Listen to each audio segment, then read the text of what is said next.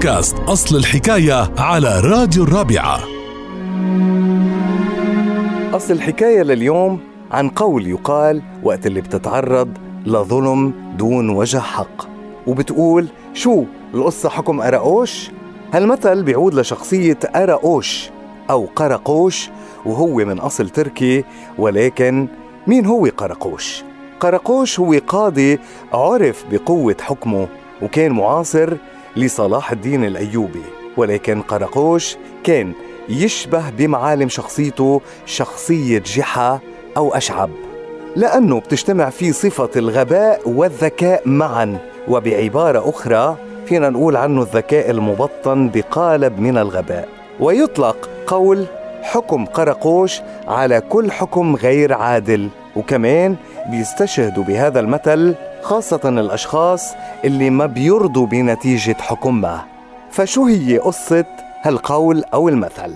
في روايات كتيرة بتجسد حكم قرقوش. وعلى سبيل المثال رح نذكر اليوم حكاية التاجر وصاحبه. فبتذكر المصادر بأنه في رجل فقير شكى للقاضي قرقوش صديقه التاجر بأنه استدان منه مبلغ كبير من المال وبعد ذلك ما رجع له إياه. فطلب القاضي حضور الطرفين وبعد هالشي أصدر حكمه الغريب واللي كان بيقتضي فيه حبس الرجل الفقير صاحب المال بالأساس ولكن ليش؟ لأنه قرقوش شاف بأنه الفقير لازم يكون له مكان معلوم وهو الحبس. وأكيد لازم التاجر يكون عارف هالتاجر الفقير وين موجود حتى يرجع له فلوسه. ولكن الرجل الفقير ما عجبه الحكم وهرب معترض وهو عم بيقول هيك بيكون حكم قرقوش. وبالتالي فإنه هالحكم كان سبب بتخليه عن ماله وعن تنازله عن حقه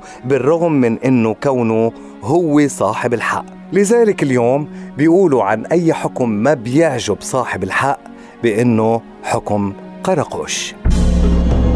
لتتعرفوا على مزيد من أصل حكايات الأمثال تابعونا على بودكاست الرابعة أصل الحكاية.